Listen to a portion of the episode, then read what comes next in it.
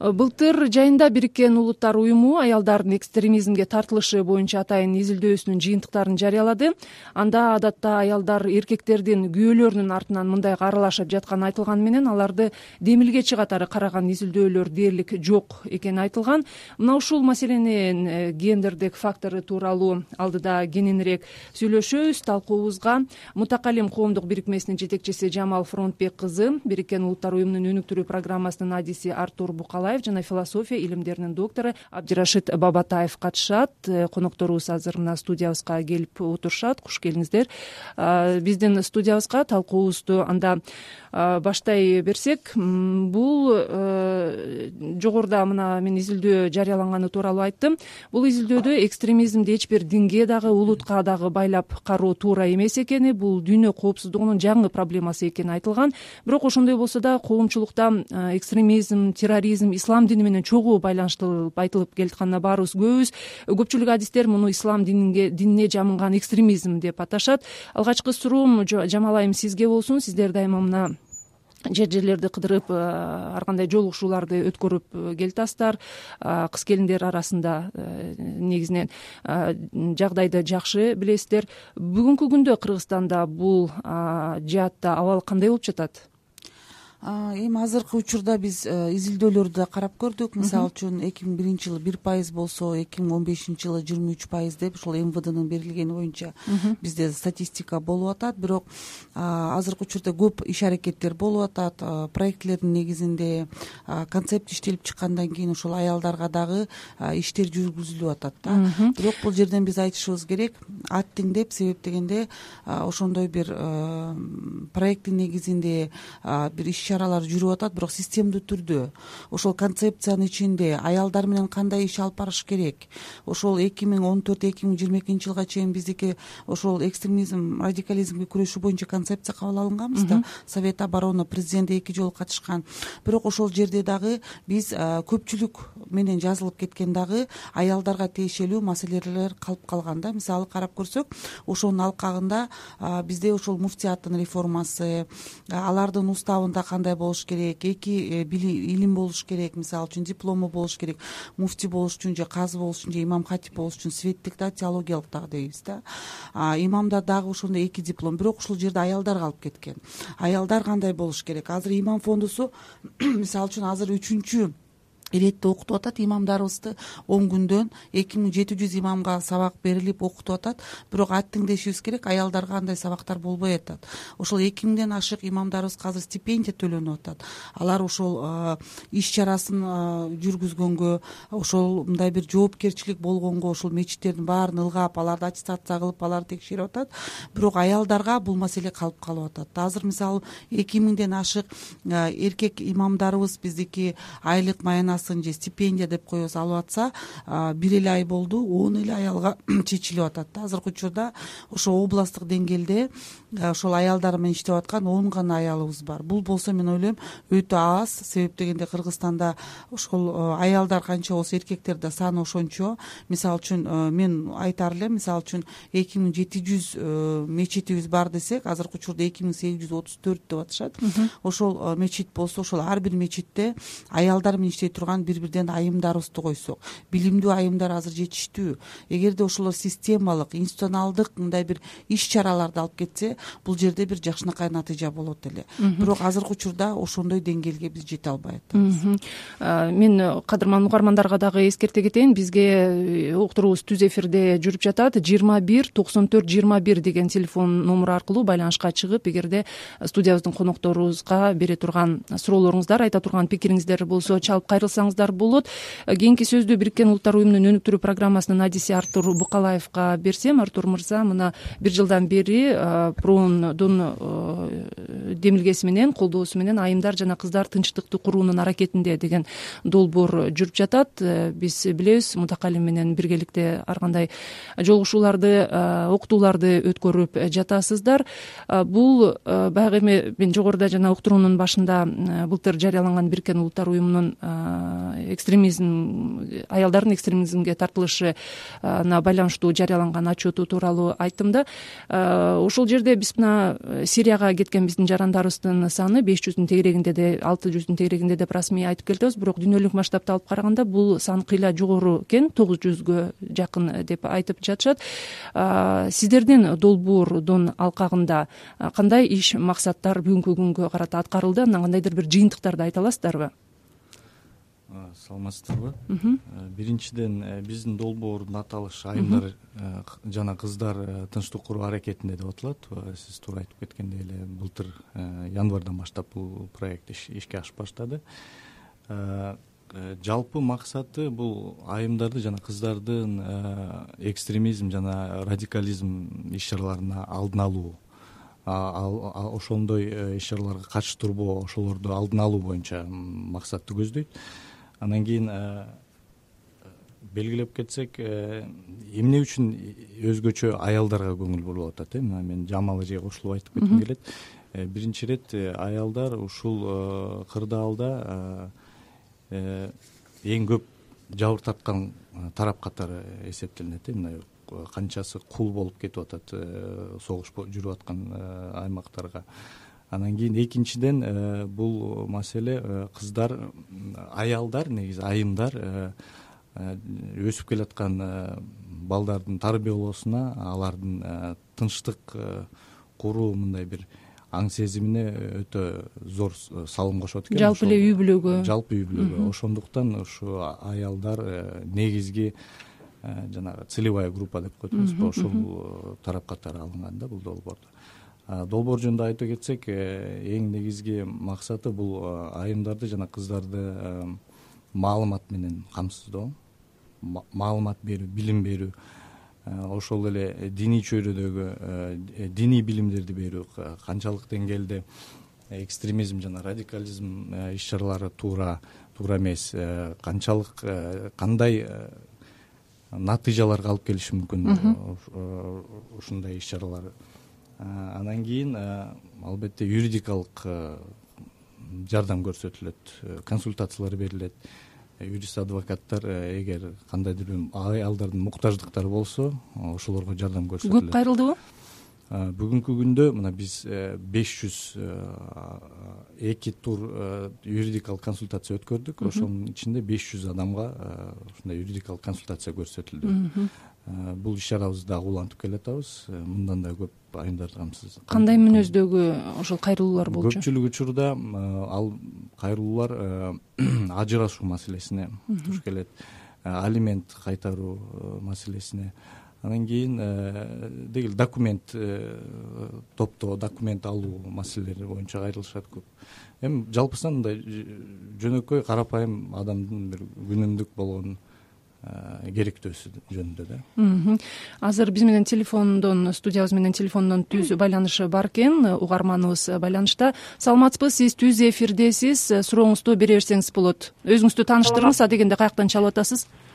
Саламатсыздарбы? Мен бишкек шаарынан чалдым. Атым бибисара э, сиздердин темаңыздарга чоң рахмат. Э, фронтбек кызы жамалдын ишмердүүлүгүнө ийгиликтерди каалайбыз. Менин бир эле абдан көйгөйлүү маселе боюнча. Э, бир оюм бар эле. Мына айыл жеринде айрым аял заттар ыймансыздыктын ашкан чегине жетип э, ушунчалык э, баягы аң сезими маң болгон учурлар бар да.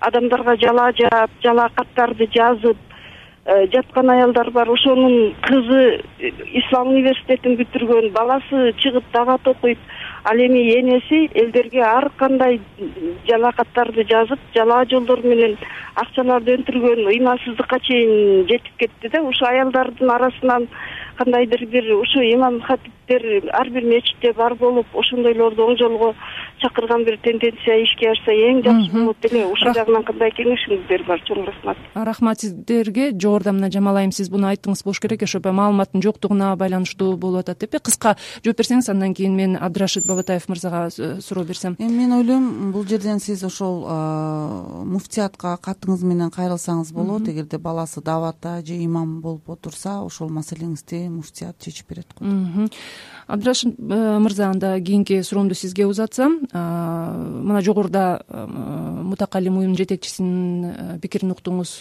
бириккен улуттар уюмунун өнүгүү программасынын. Бул жерде баягы негизги маалыматтын жоктугу мына сүйлөшүүлөрдү окутууларды өткөрүп жатабыз деп атат ар кандай юридикалык жардам берип жатабыз депчи.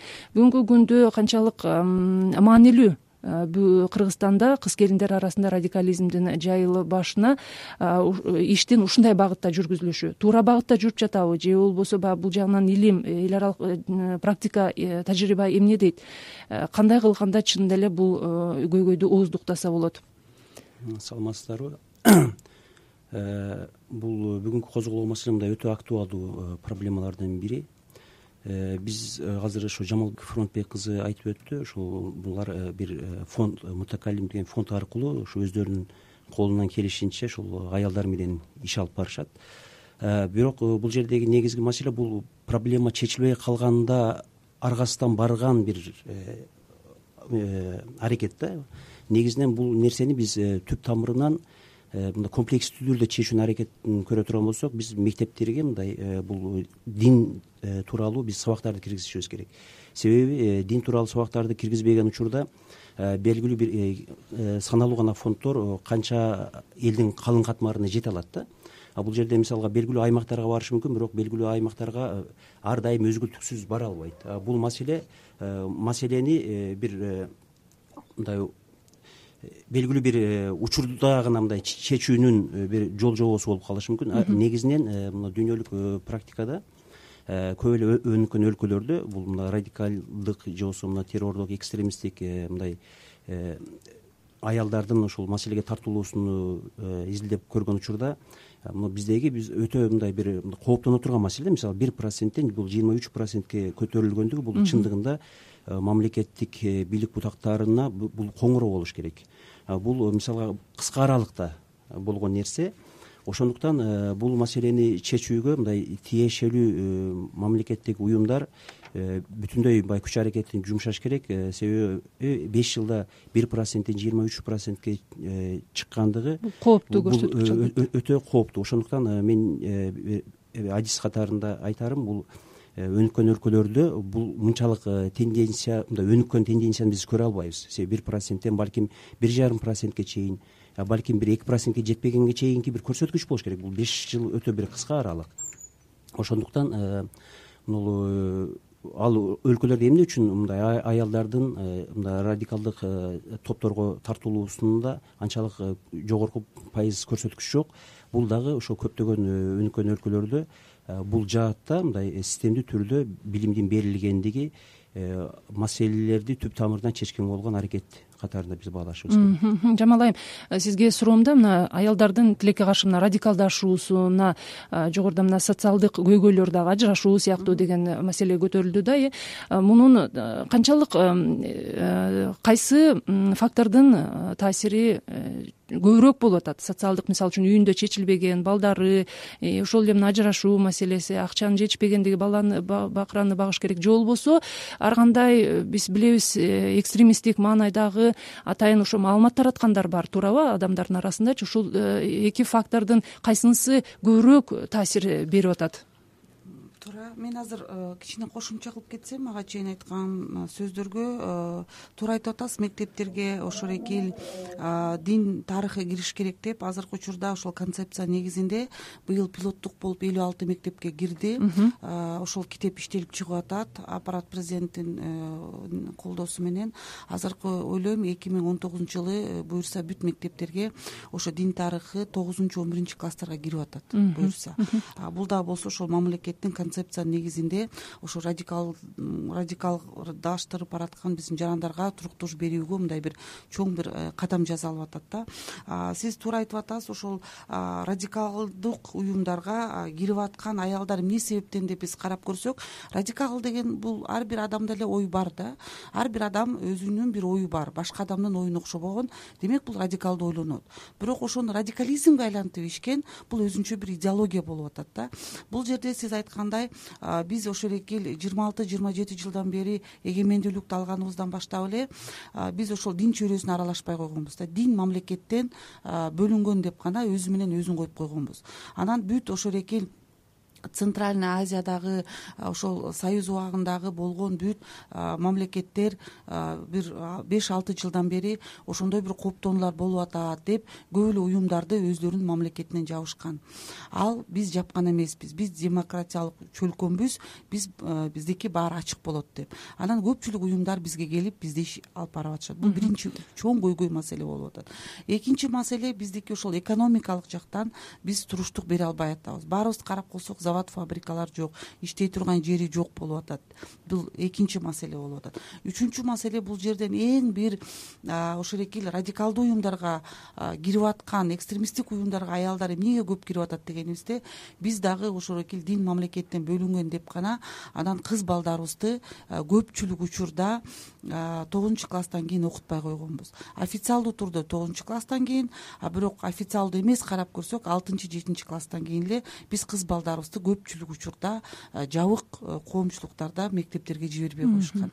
Бул жерде ошол кыздарыбыз ошол эки мамлекеттүүлүк деген эмне мамлекетти сүйүү деген эмне деги эле мамлекет сага эмне берет сен мамлекетке эмне бересиң деген түшүнүк жок калгандагы алар ошол фанатикалык түшүнүк менен өздөрү толук орто билимди ала албай анан динди окуй башташкандагы ошол динди түшүндүрүп атканда дагы аларга жакшы адистер эмес текшерилген адистер эмес ар ким эле сабак бере баштаган. Андан кийин төртүнчү дагы бир көйгөй болуп аткан ошол аялдардын радикалдуу уюмга кирип аткандагы биз э, эки глобалдаштырып атканыбызга интернет пространствобуздагы ар ким интернет имамдарыбыз көбөйүп кетти биздин учурда. Бул жерден дагы биз кыргызстан аттиң дешибиз керек биз буга туруштук бере алган жокпуз. Биздин имамдарыбыз э, күчүбүз келген жок бул нерсеге. Анткени бул дүйнөлүк глобалдаштырып аткандан кийин интернетте өтө чоң технологияда бийик технологияда булар дааваттарын жүргүзүштү жүргүзүштү. Анан кийин карап көрсөк э, көпчүлүк учурда дагы ошо сирияга кетип аткан ошол күйөөсүнүн аркасынан кетип атышат. Экинчи маселе ошол жетим жесирлер көп дуушар болуп атат. Анткени булар ошол социалдык жактан өтө көйгөйлүү болуп аткандан кийин мамлекет демек социалдык э, себептен дагы бул жерде орду э, чоң. орду өтө чоң. Бизде угарманыбыз бар экен. Сиз өзүңүздү тааныштырсаңыз сурооңузду бере бериңиз саламатсызбы мен сезим кресттик борборунун жетекчиси рыскуловамын саламатсыңарбы жамал кандай? Кандай саламатсыз аябай жакшы сөз болуп атат. Эми кыскача бир баарына кошулам. Бирок мына юридикалык жанагындай консультация берип атканда беш жүз киши кайрылса беш жүз киши эле үй бүлөлүк жана көйгөйлөр менен кайрылып атат. Биринчи иретте туура мечиттерге барган айымдарга жанагындай бир маалымат бериш керек экинчи иретте жана үй бүлөдөгү көйгөйлөр мына азыр э, э, биздин мамлекетте э, региондорду жанагындай бир калыпка келтирүү дейт. Экономикалык акыбалын жогорулатуу дейт. Бирок адамдардын үй бүлөнүн ошол ар бир айылдан ошол бир эсепке алып туруп ушул айылдан үй бүлөлөр кандай жабыркап атат? Ким ажырашып кетти. Кимдин балдары көчөдө калды ошолорго жанагындай бир ыраазы болуп эле бир эмедей бир проекттин негизинде эле болуп калганда бул жакшы. Бирок ушул мына өзү эле айтып отурат беш жүз кишиге консультация бергенде бүт эле үй бүлөлүк көйгөйлөр болуп атат да. Мамлекеттик деңгээлде закондо кабыл алган бир калган жерден кетпейт бул дагы ошо радикалдашууга биздин баамыбызда биз жыйырма жылдан бери иштеп атабыз. Ошонун арасында сурап көрсө эмне үчүн ошол жака кетти. Жана жолдошторун ээрчип кеткен жамал туура айтып атат. Анан бирок жанагындай кыйналгандар. Балдарын таштап ушинтип кетип атканда үй бүлө институтуна көңүл буруш керек да. Рахмат сизге рахмат сизге кийинки суроомду мен абдирашид бабатаев мырза сизге берсем жогоруда мына айтылды элүү алты мектепте бул баягы диний сабатсыздыкты жоюу үчүн сабактар киргизилип жатат деп мен эгерде мүмкүн болсо кыска жооп берсеңиз дин таануу кандай форматта жүргүзүлүш керек? Биз э, э, дин эркиндиги жарыяланган өлкөбүз. Бир гана ислам дини тууралуу билим берилиш керекпи? Же болбосо баланы чектебей мына бул ислам дини бул христиан дини бул башка дагы диндер алардын моундай негизги багыттары бар алардын булары экстремисттик багытта булары деп бир ушундай жагынан берилиш керекпи кандай деп ойлойсуз? Туура айтасыз э, мисалга эгерде мектептерге ушул жогоруда айтылгандай элүү тогуз мектепте пилоттук түрдө окутулуп атат дейт бирок ошол жерде мисалга кайсыл китеп окутулуп атат да? Көзөмөл барбы ошого? Албетте мисалы ээгерде мектепке киргизилген болсо билим берүү министрлигинин сөзсүз түрдө көзөмөлүндө болуш керек биргеликте болуш керек бирок э, дүйнөлүк э, практиканы алып караганыбызда мисалга э, дин тарыхы же болбосо дин этикасы деген сабактар бар. Бирок алар окутулган учурда мисалы өлкөнүн ошо эли тутунган диндин дагы өзгөчөлүгүн эске алышат да. Мисалы эгерде бир өлкөдө ошол өлкөнүн бир сексен токсон проценти бир белгилүү бир динди карманган болсо ошол негизги басым ошол жака жасалат. Бирок ошого кошумча тандоо сабактары дагы бар. Мисалга жалпысынан мисалы дүйнөлүк диндердин тарыхы окутулушу мүмкүн. А бирок кошумча баягы жалпы мектептеги нагрузкадан сырткары кошумча сабак коюлат эгер ата энеси каалаган болсо балдарга ошол өздөрүнө э, кызыккан мисалы куранга байланышкан болушу мүмкүн хадиске байланышкан болушу мүмкүн. Сабактарды тандоо түрүндө окутуу бул практикасы э, дүйнөдө бул колдонулат. Э, менин айтайын дегеним мисалга биз эмнени окутканды эмес ушу кайсыл нерсени биз кандай окуп атабыз да? Маселе бул жерде ошол нерсени кандай окуйбуз ошол нерсени кандай биз кабылдайбыз. Себеби биз бир эле нерсени кабылдоодогу айырмачылык өзгөчөлүктөр э, ал нерсени туура эмес э, нукка дагы тартылып кетүүгө мындай көптөгөн себептер болушу мүмкүн. Баягы жогоруда мисалы аялдардын ошо радикалдашуусунун бул э, тез мындай бир бат ылдам өсүүсүндөгү көрсөтүч катарында мисалы менин жеке көз карашымда кыргыз аялдарынын бул менталитеттик өзгөчөлүгү дагы бар да бул нерсени дагы биз эске алышыбыз керек. Себеби биздегидер ошол күйөөлөрүнүн жолдошторунун айткан же болбосо ата энесинин айткан э, чектен кыз бала же болбосо аял кишиде көп чыга албайт. Мисалы алар чындап эле ошол идеяны э, мындай карманды ошол нерсени жактады деп айта албайбыз э ошолордун көрсөтмөсү менен ошолордун буйругу менен ээрчими менен баягы жетеленме түрдө дагы бул жака кирип кетиши мүмкүн. Ошондуктан негизинен биз ошо сабаттуулукту жогорулаткан учурда гана адамдар ошол өзүнүн ар ким өзүндөгү ушул э, акылдар эметти же болбосо рационалдык потенциалды бир байлык катарында кабылдаган учурда ошол нерсени туура колдонгондо бул көптөгөн көйгөйлөрдү биз чече алабыз деген ойдомун рахмат. Жамал айым кыскача жана сиз айтпадыңызбы элүү алты мектепте пилоттук э, тиги ушул жогоруда мына абдырашид мырза айткан нерселер эске алынганбы? Китептерди мындай барактап көрдүңүз беле программабызды ошол конституцияга байланыштуу биз э, бүт диндердин тарыхы кирип атат.